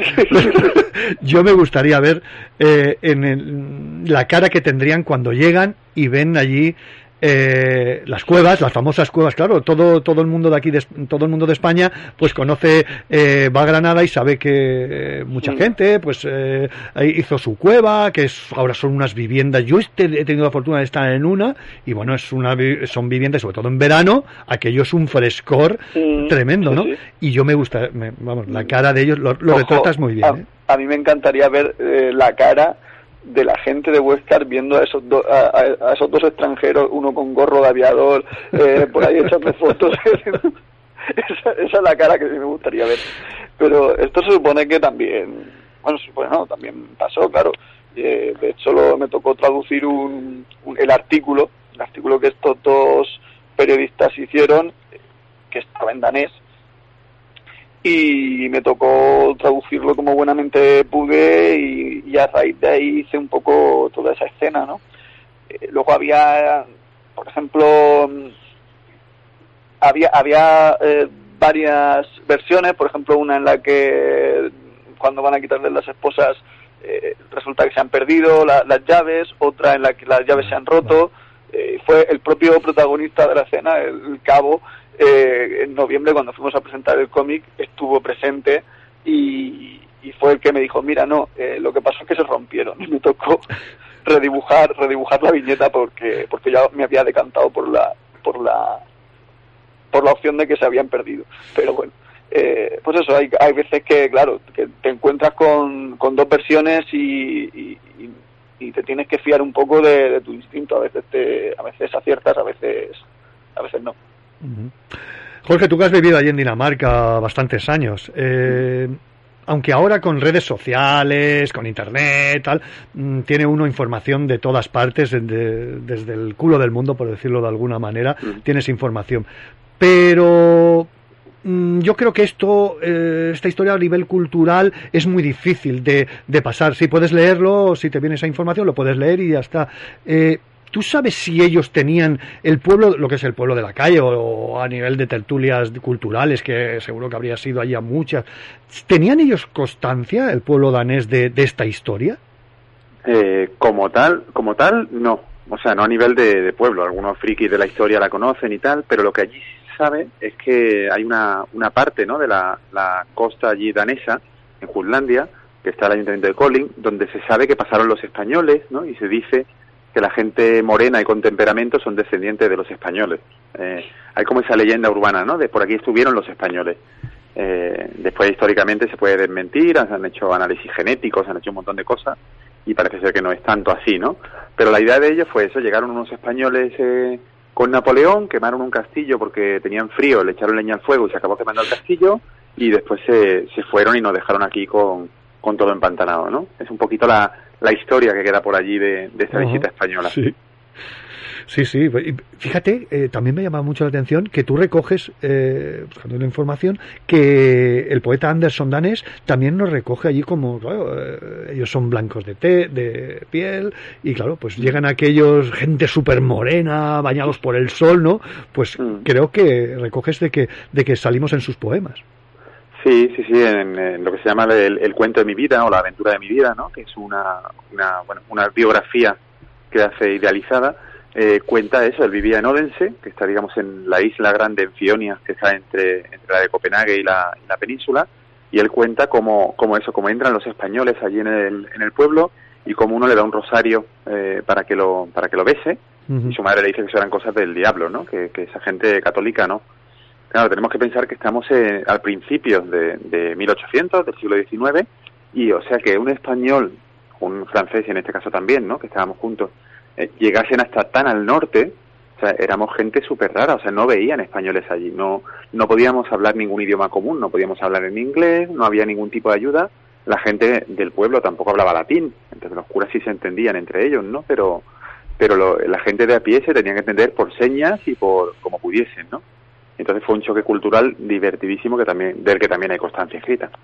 Sí, mira, por ejemplo, ese toque de ese toque de humor que mm, es una pena que Jaime no, no puede estar. Tenemos dos líneas telefónicas, pero me hubiera gustado de que Jaime hubiera hubiera podido estar con nosotros. Mm, y seguro que algún día intentaré que a ver si puede estar, porque aparte escuchándolo hablar es- lo, he- lo he, lo he seguido ahí en varias entrevistas que le han hecho y es un personaje que, que bueno, con él tienes que estar a gusto trabajando. Absoluto, absoluto. Es una persona divertidísima y, y bueno, y además inteligentísima, ¿no? Yo creo que, que, las dos cosas son importantes, pero que alguien sea capaz de citarte cualquier tipo de carro de combate de la guerra prusiana, cualquier tipo de avión de no sé qué y cualquier anécdota histórica y cualquier personaje y cualquier película, o sea, que tenga ese fondo de, de catálogo para hablar y además de forma divertida, pues nos lo hemos pasado bomba y, y ahí seguimos, y ahí seguimos con, con la gira de la, de la peli. Román hace sobre todo, hay un otro detalle que también me mata muchísimo en el, en el, en el cómic, que, que es la, cuando bajan los periodistas, nos rendimos, nos rendimos, y, y el caso, que eso lo, lo recuperas ahí, esa, yo no, bueno, el caso es que era una revista, bueno, para los más jóvenes que nos estén Mm. escuchando, que era una revista de lo más, de lo más, eh, no sé cómo llamarlo, de, de trágica, eh, nada más que decía sí. crímenes De y tal. crímenes, Y bueno, eh, cuando pones allí, las tropas españolas son estas, y las tropas danesas son estilo carro de combate, ¿no? Eso eh, es, un- es uno de los de los gags, ya, ya no del cómic, sino de, de esta historia. Es uno de los, de los momentos eh, que siempre salen, en- incluso en las entrevistas que o los artículos que se han hecho, bueno, sobre todo a raíz del documental de, de Jorge y de, de Jaime, eh, que ha, no sé si- ha, ha habido muchísima, muchísimo artículo y, y, y volver a rescatar esta, esta historia, yo creo que a raíz de- del documental. eh, y es fácil encontrarte este este el diagrama este el esquema este en varios en varios artículos porque bueno es de las cosas más más llamativas. Yo siempre he pensado y una y un dilema ético que tuve fue el invertirlo porque me parecía más gracioso al revés. Me parecía más gracioso presentar primero todas sea, las tropas de, de Dinamarca con eh, no sé cuántos tanques eh, no sé cuántos mil soldados los aviones los cazas los tal y, y luego al, al lado el cabo y los siete agentes. Eh, pero bueno. Este, este episodio, de hecho, nosotros cuando, cuando comenzamos a, a plantear la película, que claro, era, era pre-pandemia y teníamos unos planes más, más ambiciosos, íbamos a comenzar con una recreación también de, precisamente de qué hubiese pasado si realmente se hubiese declarado la guerra. Y comenzábamos en, en un búnker en, en Dinamarca con el primer ministro declarando que Dinamarca iba a invadir Huéscar y tal, ¿no? Y, y todas, todas estas miles de tropas se acercaban a Huéscar, los cazas, etcétera, y, y llegaban allí, estaban los siete policías, estaban algunos en la taberna jugando al dominó, el otro estaba comiéndose una tostada, ¿no? Estaban allí relajados como, como los españoles de aquel Sí, entonces. sí. Como, como hacían las partidas, como hacían, perdona que te como hacían las partidas aquellas de dominó en los pueblos, que era el guardia civil, el cura y el Claro. alcalde. Claro, eso es, eso es, eso es. Eso es. Fijaros, a, ra- a raíz de esto, mm, yo destaco do- mm, dos momentos eh, que son que los retratáis tanto en el documental como en el como en el cómic. Eh, Román lo hace con una splash page allí eh, en mitad del cómic que es, es una gozada porque hay vikingos, porque hay guardia civil, porque hay militares, porque eh, hay un danés y una y y una, una del pueblo dándose un beso, los trajes de bueno los trajes, los trajes de los años 80 del pueblo y tú lo destacas eh, Jorge allí bebiendo el vino, eh, bueno cantando, bueno es, es son dos son dos momentos que que lo reflejáis tanto en el documental como en el cómic a la perfección, muy berlanguiano. Total, total. Y además, bueno, que, que nos, nos lo cuentan los propios protagonistas. O sea, no es porque nosotros eh, queramos ninguno de los dos, ¿no? O de los tres hacer así como un episodio gracioso. Es que fue así. O sea, nos cuentan, claro. llegaron allí, firmaron, se echaron la foto y todo el mundo a la calle a beber y a, y a la fiesta, ¿no? Eh, y, y la fiesta era, bueno, espectacular. O sea, ver las imágenes. Yo cuando empecé con esta historia me, me imaginaba que iban a ser pues cuatro gatos, ¿no? De, de cachondeo allí, tomando un vino, Sí. tal. Y es que es una multitud de gente impresionante. Eh, ver esas fotos es, es impresionante y divertido, ¿no? Porque que realmente es, eh, bueno, tiene un ambiente genial. Ujú. Hay un personaje que no puedo, y encima, bueno, yo me enteré por, por tu Instagram, eh, Jorge, que, que ha fallecido hace uno- unos días, que es prácticamente el pilar del descubridor de esta historia, que es Vicente González Barberán. Eh, bueno, me imagino, bueno, creo que Jorge eh, ha tenido bastante relación con él, eh, hablando, ¿cómo, ¿cómo era el archivero de Huescar? Sí, bueno, como, como lo decía antes Román, ¿no? Y, y en mi caso, como te contaba, pues, pues nosotros grabamos este documental parte durante la pandemia y de hecho la entrevista con, con don Vicente la grabó, la grabó Jaime, que se fue con un compañero de allí de Málaga, con Alberto Pons, eh, que también igual conocéis de lo del Club de los Curiosos, ¿no? Y, y nos hicieron el favor de, de ayudarnos con su cámara, porque yo estaba recluido en Madrid y, y no podía salir de Madrid y entonces fueron Jaime y, y él, ¿no? Y, y bueno, pues este hombre desde luego tenía una cabeza que recordaba todo, o sea, él fue el que nos descubrió muchos de los flecos de, de la historia, ¿no? Eh, desde, desde el 1800 hasta, hasta el 2000 casi, nos contaba toda la historia, o sea, era un, bueno, era un erudito y estuvo también, eh, aparte de, de estar buceando en los archivos, también tuvo relación con Consejería de Cultura, bueno, estaba, y de hecho el archivo de, de Huescar lleva el nombre de él, ¿no? Porque ha seguido Ujú. también gran parte de su archivo y era una persona ilustre en Huescar. Eh, entonces, bueno, pues yo diría eso, que era, era un- uno de los antiguos profesores, ¿no? Y, y siempre sabía dónde, dónde meterse, en qué libro y en qué archivo, y tenía fichitas de todo en su, en su casa, que también sacamos algunas fotos, ¿no? Estas fichas antiguas, pequeñitas, con rayitas, eh, con archivadores, bueno, el típico pues que vemos, que vemos en las películas, que, que tiene ahí sus archivos grandísimos. Román, ¿tú llegaste a, a conocer, a hablar con él? No, no, no. No llegaste. No, que va. Yo, durante el proceso, eh, uno de mis planes era haber ido, haber, haber ido al menos un día, o sea, un par de días a, a Huescar para entrevistarme cara a cara, con, pues, al menos con el, con Antonio Ross, el, el archivero actual, que es el que uno de los que me ha ido pasando documentación eh, cada vez que se lo he pedido, y para que, yo qué sé, me, me indicara con quién podía hablar, con quién me podía entrevistar y demás, pero eso al final no se pudo hacer y además eh, había eh, querían el cómic prácticamente para ayer porque eh, claro entró, en juego también el ayuntamiento y el ayuntamiento pues quería aprovechar la efeméride quería tenerlo para para el 11 de noviembre. Eh, eso significaba que tenía que estar con el cómic en octubre que era dos meses antes de lo que yo había dicho que iba a entregar. Es- entonces tuve que economizar todo lo que pude. De hecho por eso entré en contacto con, con Jorge porque porque viendo que no que no tenía el tiempo que me hubiera gustado para documentarme bien pues le pedí ayuda para, para no sé para intentar ver parte de su documental o que, me- o que- que él- bueno de hecho tuvimos varias conversaciones en las que él también me aclaraba dudas que tenía eh, por eso porque básicamente para esos plazos era, era imposible tomarte el tiempo de documentación que, que hubieras querido no aún así el cómic no estuvo a tiempo porque porque no era no era factible. Yo lo hice todo lo que pude pero al final eh, eso era era era imposible y, y bueno, así que al final, pues bueno, se, no, no pude hacer ni una cosa ni la otra. Al menos sí que la visita en noviembre sí que me ayudó a, a dos o tres cosas mm, solucionarlas o tenerlas claras, eh, detalles sueltos, poder hablar con, con alguien y demás. Pero bueno, básicamente mi documentación, aparte de la de siempre, que es bucear por internet de la forma más eh, creativa posible, eh, para no acabar siempre en las mismas fuentes, eh, sobre todo fue el, el archivero eh, Antonio y, y Jorge, que también me iba, me iba solucionando dudas de vez en cuando. Eh, cam- bueno, sin dejar un poco el tema, no puedo dejar pasar precisamente lo que hemos eh, hablado antes con, con Jorge. Eh, me llama mucho- mucho- muchísimo la atención, sacrilegio, allí contienes con Pedro Casablan, para que por si acaso alguien no se sitúa, es el actor que encarna a Bárcenas en, en B, en la película famosa. Y bueno, y tienes ahí lo de Osario Norte que me ha llamado también muchísimo, muchísimo la atención, ¿no? La historia de Rigao. Sí, sí, bueno, es, eh, es un proyecto, bueno, un proyecto y otro están relacionados de, de una forma curiosa, ¿no?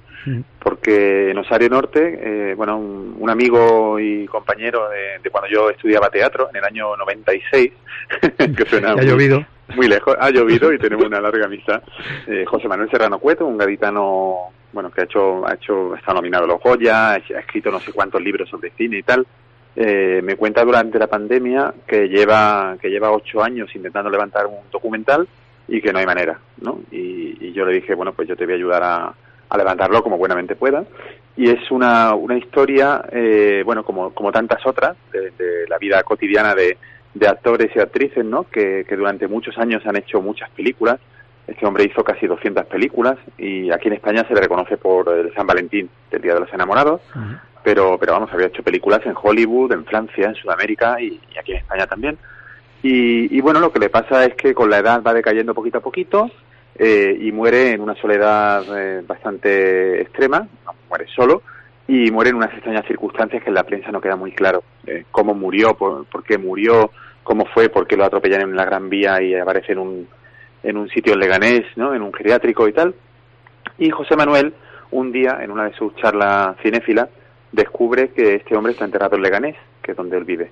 Entonces José Manuel va un día 1 de noviembre a poner unas flores como algo simbólico, como, como fan del cine, y, y descubre que no, que no está en la tumba, que la tumba ya, pues lo, lo sacaron de la tumba y lo echaron a un osario, a una fosa común.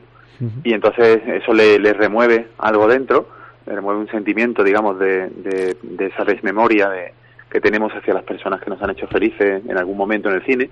Y comienza una cruzada, le digo yo, una cruzada quijotesca, para, para que le pongan una placa y un recuerdo a que, bueno, que ahí en Leganés está enterrado este, este señor, ¿no?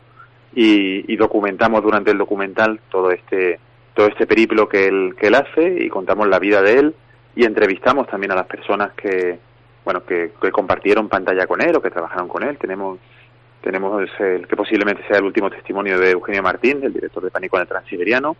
Eh, tenemos a Paca Gabaldón, tenemos a Lones Fleming, Antonio Mayán, ¿no? Tenemos gente que, que trabajó con él y luego tuvimos la gran fortuna de encontrar a, a la persona del geriátrico que le asistió los últimos días de su vida y que nos cuenta de primerísima mano eh, cómo fueron esos últimos días, ¿no? Y es, eh, bueno, un documental que solamente hablar de él se ponen los pelos de punta y que en la presentación de Málaga pues ya tuvimos, mostramos 10 minutos y, y la gente lo, lo recibió muy bien. ¿Tenéis pensado aquí un festival aquí por aquí por Barcelona? Siches, no sé, no lo sé. Sí, sí, sí, hombre, Sitges sería sería un sitio ideal, ¿no? Porque bueno, es una persona que ha sido muy querida, muy querida por el género fantástico. Eh, también, eh, aparte de eso, haber hecho Pánico el Transiberiano, hizo muchas películas, digamos, de, lo- de serie B y tenemos también mucha gente de ese de ese mundillo en el documental. Sería ideal, pero vamos, pensamos un festival grande nos gustaría precisamente para, bueno, pegar ese pelotazo de, de recordarle a la gente, ¿no? De, estos actores. Y ahí en ese documental es donde José Manuel tiene la idea de conectar con Pedro Casablanc como, como actor que está ahora, digamos, trabajando mucho eh, y bueno, y unas reflexiones sobre la fama, ¿no? Y yo siempre digo que es su, su Sancho al Quijote que él es, ¿no? Eh, Pedro le trae un poco a la tierra y a veces le quita un poco de fuego a algunas cosas y de ahí es donde sale la, la relación que, que Pedro y yo hemos mantenido. Eh, nos conocimos ahí después ya me propuso producirle Sacrilegio y hasta aquí vamos. Sería increíble que lo tuvierais, por- sobre todo por eso, por, por su influencia en el cine fantástico. A ver si para octubre, en Festival de Sitges, sería, sería buenísimo teneros, teneros aquí en el documental. Sí, sería, sería un gustazo, sería un gustazo. Y bueno, de hecho, eh, hemos cerrado un acuerdo de distribución y tenemos plazos que, que podría, podrían hacer lo posible, por supuesto, si al Festival de Sitges le, le encajamos, ¿no? Nosotros pensamos que sí y, y nos encantaría. Román, ah, ay, perdona, perdona. Sí, no, el, el Pedro, ¿en, en qué serie salía? ¿Era policías o el comisario? O, Eh, o bueno, sí, salido en, en- en todas, pero sí, sí, en el comisario es la que le, la que estaba, la que, digamos, mucha gente le recuerda. Por Es el, que, por el es que me, acuer- me acuerdo porque me acuerdo que que probablemente sería de los primeros eh, personas famosas que yo vi en mi vida. Porque yo Ujú. estaba, recuerdo que estábamos en, en- en la escuela de arte, en, en bachillerato, era 2005, 2006, eh, yo con 16 años a lo mejor, como mucho, y, y de repente aparece en Orihuela, fue, Mm. y de repente aparece ahí, eh, entra en la escuela de arte acompañado de, supongo que la directora o eh, bueno, de alguna, de, o sea, de, de alguien del, del ayuntamiento, no sé, al- alguien con algo de poder, imagino. Él, él hizo, hizo Bellas Artes, ¿eh? Sí. Él estudió Bellas Artes. Pues eh, yo me acuerdo que estaba yo con varios con varios colegas y era como, hostia, ¿qué hace este hombre aquí?".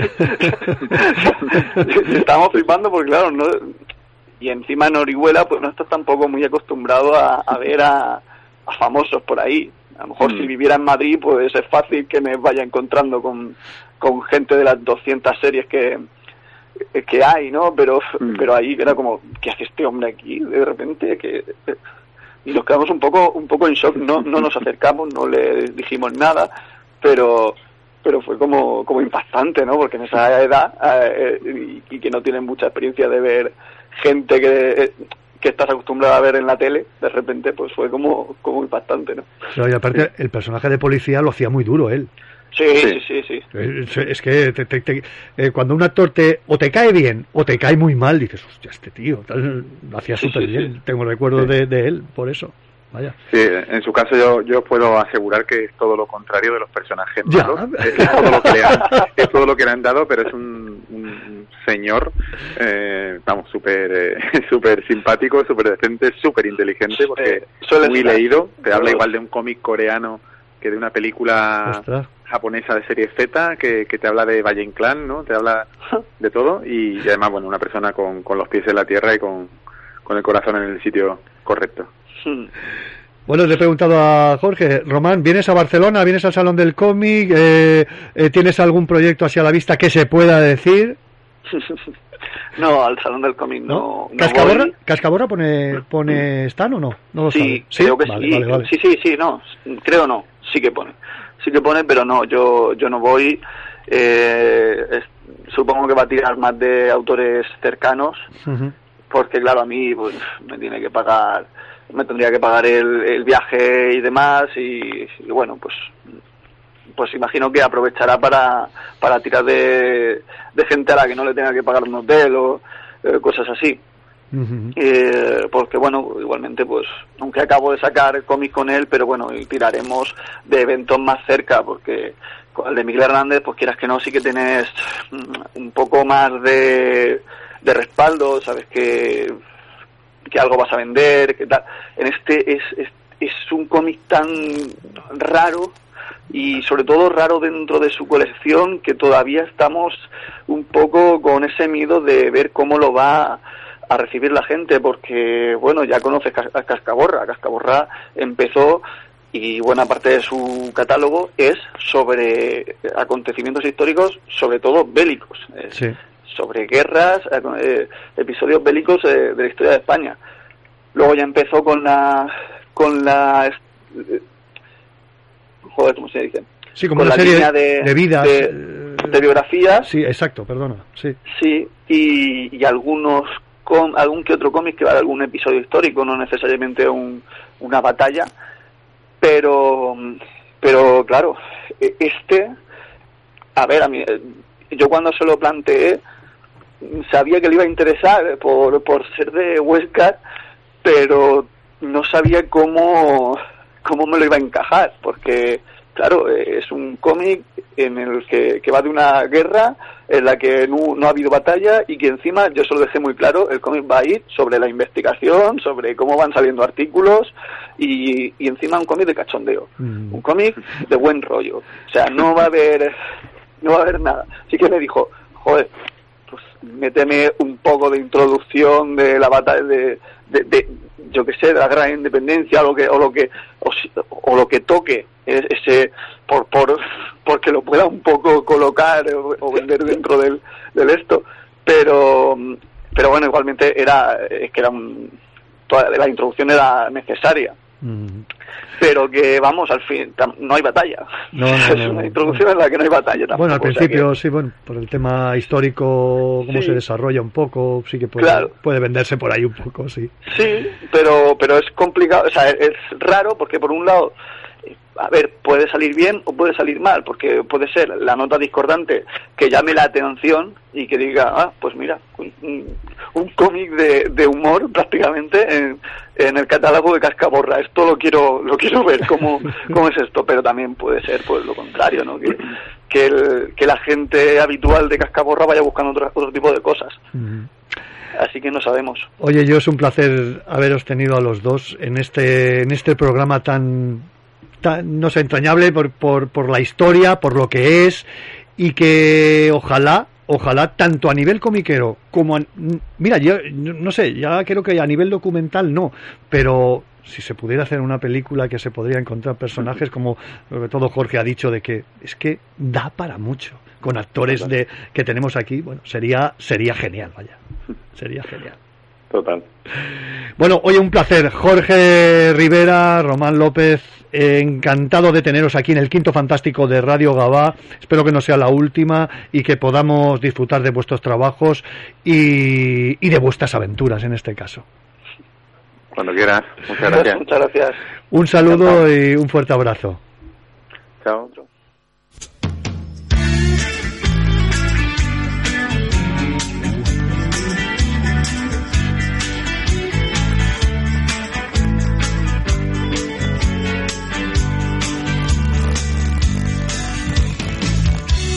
Solen stiger op over Birkegården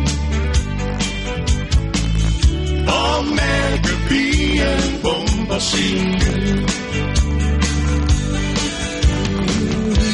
Mens præstens kone står på hænder for sin bror.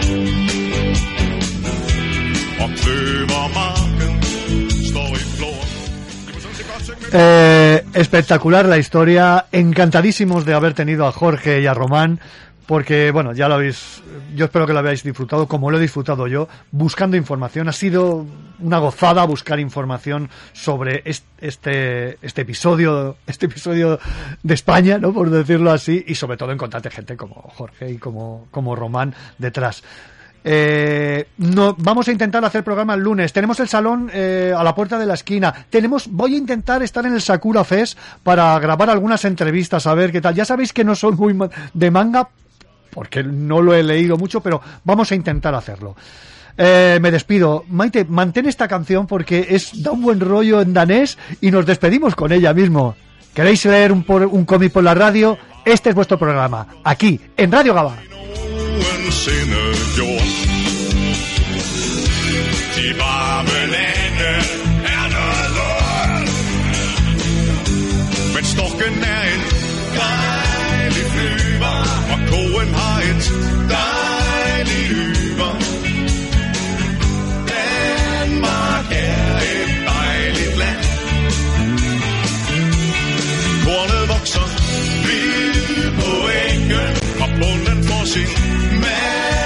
Sing.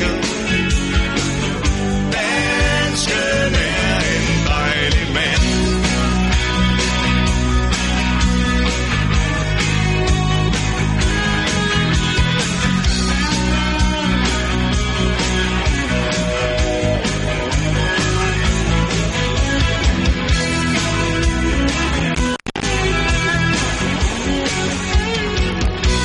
Stokken er vi flyver, den der siger, Anne lyver. Danmark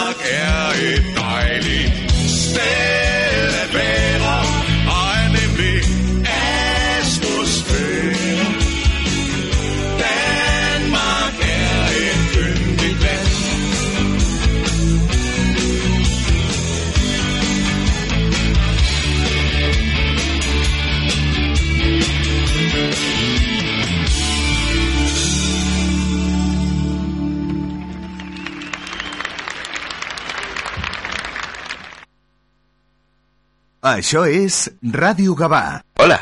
Vida Mejor, tu inmobiliaria en Gabá, tiene un plan sencillo para que vendas tu piso seguro y es que disponemos de más de 2.400 compradores para ti. Además, Vida Mejor pone a tu disposición un magnífico equipo de expertos inmobiliarios y coordinadoras que te acompañarán hasta el mismo día de la notaría. Te esperan en Paseo Maragall número 20. Vida Mejor, la inmobiliaria con suerte en Gabá. Hola, Viladecans! Obrim un nou supermercat Bon Preu al teu costat. Ens trobaràs a l'Avinguda Francesc Macià número 1, cantonada Avinguda de la Generalitat 26. Les teves marques de confiança, la màxima qualitat i la millor selecció en producte fresc de proximitat i sempre amb els millors preus, ara el nou Bon Preu de Viladecans. Un nou supermercat Bon Preu més a prop teu. Un nou Bon Preu al teu servei. Bon Preu i esclar. ¿Dónde te gustaría perderte? ¿En Egipto? ¿En la nieve? ¿En el Olimpo? ¿Entre dragones? Sumérgete en la magia del cine en Cinesa y viaja a lugares fantásticos con las butacas más cómodas, imagen espectacular y sonido envolvente. Esta semana disfruta en la gran pantalla de Cinesa de Shazam, la furia de los dioses. Consulta cines, horarios y calificaciones en cinesa.es. Te esperamos. Això és Ràdio Gavà.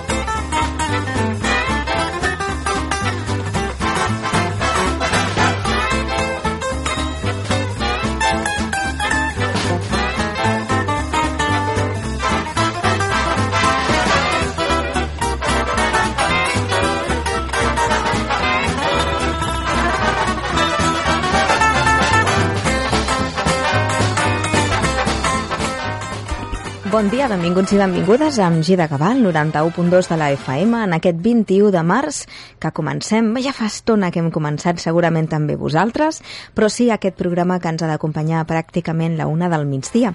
Som Maite Alonso i Eva Rosa, passen 5 minuts a les 10 i eh, gràcies per estar una vegada més amb nosaltres, tant si ens escolteu en directe com si ho feu posteriorment a la nostra web, radiogava.cat o l'aplicació gratuïta de Ràdio Gavà, perquè pugueu escoltar més còmodament la nostra emissora en directe o quan us vingui de gust al vostre mòbil o la vostra tauleta. Ens podeu seguir a les xarxes socials, trobareu amb Gira Gavà a Facebook i Twitter, trobareu Ràdio Gavà a Facebook, Twitter i Instagram. Avui què us oferim? Doncs avui parlarem amb Conchi Benjumea sobre la programació d'Exaltació de la Saeta que fan aquest proper cap de setmana a l'American Lake. Per una altra banda, també avui recuperem un parell d'entrevistes. Una ja fa temps que la vam fer i la vam, la vam realitzar en el marc de la secció L'Illa dels Tresors. I és que aquest proper divendres eh, 24 um, l'autora local Raquel Miriam Serra presenta un dels seus poemaris a la biblioteca Josep Soler Vidal. Per tant, recuperarem l'entrevista que li vam realitzar. Per una altra banda, encara sou a temps de ben segur si s'esgota la primera edició s'està preparant una segona de poder fer-vos amb el primer receptari d'Ismael Salamanca, conegut a les xarxes socials com Ismael Cocinillas. Ens el va presentar, vam poder xerrar amb ell, és tot un fenomen a Instagram i TikTok, i és aquí de la ciutat de Gavà i el podeu trobar treballant cada dia a la botiga del Pollastre, a Polleria Antònia, a Merca Gavà. I, eh, a banda d'això, intentarem posar-nos al dia pel que fa a l'actualitat de caràcter local i seguim preparant tota la setmana. Una setmana que serà més curta, ja aviso, perquè divendres no farem programa. Una setmana en la qual parlarem en sèrie, una setmana en la qual parlarem també de la celebració del Dia Mundial del Teatre a la Biblioteca Josep Soler Vidal o de la proposta de teatre familiar de la xarxa, l'última de la temporada, que tindrem el diumenge al Teatre Municipal. Gràcies per ser-hi i comencem mirant les portades dels diaris.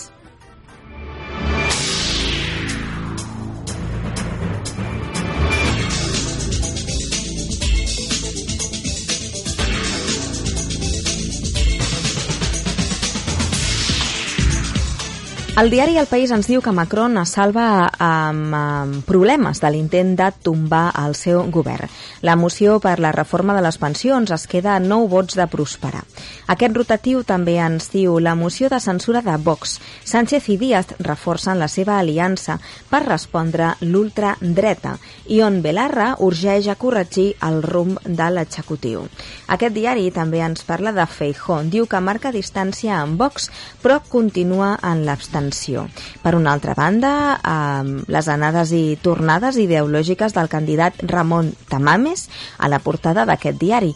I l'ONU avisa, la finestra per assegurar un futur habitable es va tancant. Lagarde diu que farà allò necessari per, estar, per aconseguir l'estabilitat financera. El diari El País ens parla també de l'arxiu de la duquesa vermella del, a l'estàtua subhasta i el Caraz, a tennis, recupera el número 1 amb el seu triomf a Indian Wells. Foto de portada per aquesta informació. Xi es reuneix amb Putin a Moscou per reivindicar el seu rol de eh, mitjancer. Què diu La Vanguardia? Doncs explica que els experts de l'ONU veuen irreversible l'efecte del canvi climàtic. El Banc Central Europeu creu que la crisi bancària no afectarà l'eurozona. Les borses europees obren amb descensos però es recuperen. L'IBEX puja un 1,3%. Per una altra banda, La Vanguardia ens parla també d'AstraZeneca, que aposta per Barcelona per investigar noves teràpies. El tramvia avança de les glòries a Verdaguer. Falta un any per fer-ho possible. I també tennis. Alcaraz torna a ser el número 1 del món. El govern de Macron supera la moció, però es queda aïllat i debilitat. Xi Jinping s'exhibeix com a mediador a Moscou i l'executiu utilitzarà la censura per identificar Feijó amb Vox. El Partit Popular retreu a l'ultradreta la moció que ha encarregat defensar Tamames perquè és un valor d'oxigen per a Sánchez. Seguim, el diari El Periódico avui ens diu el 83% dels nois condemnats per agressió sexual no reincideixen. És una investigació sobre un fenomen a l'alça i amb causes complexes. Molts menors que cometen delictes sexuals arrosseguen històries d'abusos en la infància, maltractament familiar o bullying. La taxa de recaiguda entre aquests reus és de les més baixes en la delinqüència juvenil. Parlant de delinqüència, el periòdico diu que els focus de delinqüència s'expandeixen des del centre de Barcelona a la perifèria i radiografia de les contradiccions entre Tamames i Vox a la moció de censura. També aquest diari ens diu que el govern francès se salva per sols 9 vots després de la reforma de la jubilació i volatilitat en els mercats després de l'absorció de crèdit suís per UBS. La foto de portada també és per Xi recolza Putin. El president xinès trenca l'aïllament del seu homòleg rus amb un viatge a Moscou per mediar en la guerra d'Ucraïna i reforçar llaços econòmics. El diari eh, Ara també dedica la foto de portada, és la mateixa tots els rotatius avui. De fet, El Mundo també la porta i el diari ABC, unanimitat clara. L'Ara diu, l'IBEX 35 català perd 5.000 milions d'euros de valor amb la crisi bancària. Els bancs centrals fan una acció coordinada per donar liquiditat que tranquil·litza les borses. Els mercats critiquen que s'hagi primat els accionistes per sobre dels propietaris de bons. Xi Jinping a Putin, estimat amic. L'ONU reclama un sprint per intentar reduir l'efecte ja inevitable del canvi climàtic. i el govern estudia fer una nova parada de ferrocarrils a Martorell. Facilitaria l'arribada al gran centre de FP i a la SEAT. Sánchez eh, farà servir la, moció, la moció perdó, de censura de Vox per obrir la precampanya. Divisió i nervis a la dreta pel paper de Tamames. El Mundo, què ens diu? Ens diu Abascal assumeix l'atac al Partit Popular i al PSOE amb tamames de secundari. Macron salva la censura in extremis, però el seu govern surt encara més feble. Uh, també aquest diari ens diu que Suïssa obre una bretxa en la credibilitat de la banca i força el Banc Central Europeu a mobilitzar-se. I Xi trenca el, el setge de repudi a Putin. Per una altra banda, aquest diari també parla de tennis. Alcaraz um, deixa enrere els dubtes sobre el seu físic a Indian Wells per encarar una llarga defensa del número 1. L'ABC diu que Díaz ignora Belarra i fa un pols al poder d'Iglesias a Podem. La vicepresidenta fa oficial la seva candidatura per al 2 d'abril i no accepta la imposició del que de l'exlíder de negociar ja unes primàries abans d'una possible caiguda de, durant el 28M. Per una altra banda, també aquest diari diu Xi Jinping exhibeix el poder de la Xina davant un feble Putin. El Brugués Digital ens diu que les falles de la Casa de València tornaran a Gavà els dies 14, 15 i 16 d'abril. Parla també del McLari, que actua aquest cap de setmana a la nostra ciutat, i diu que el Club d'Escacs Gavà aconsegueix l'ascens i torna a la categoria preferent.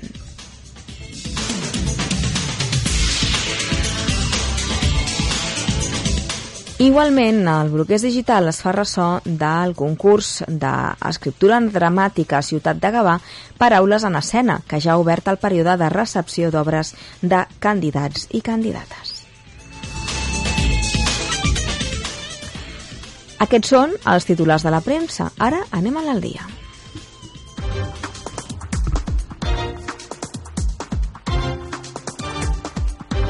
Al dia.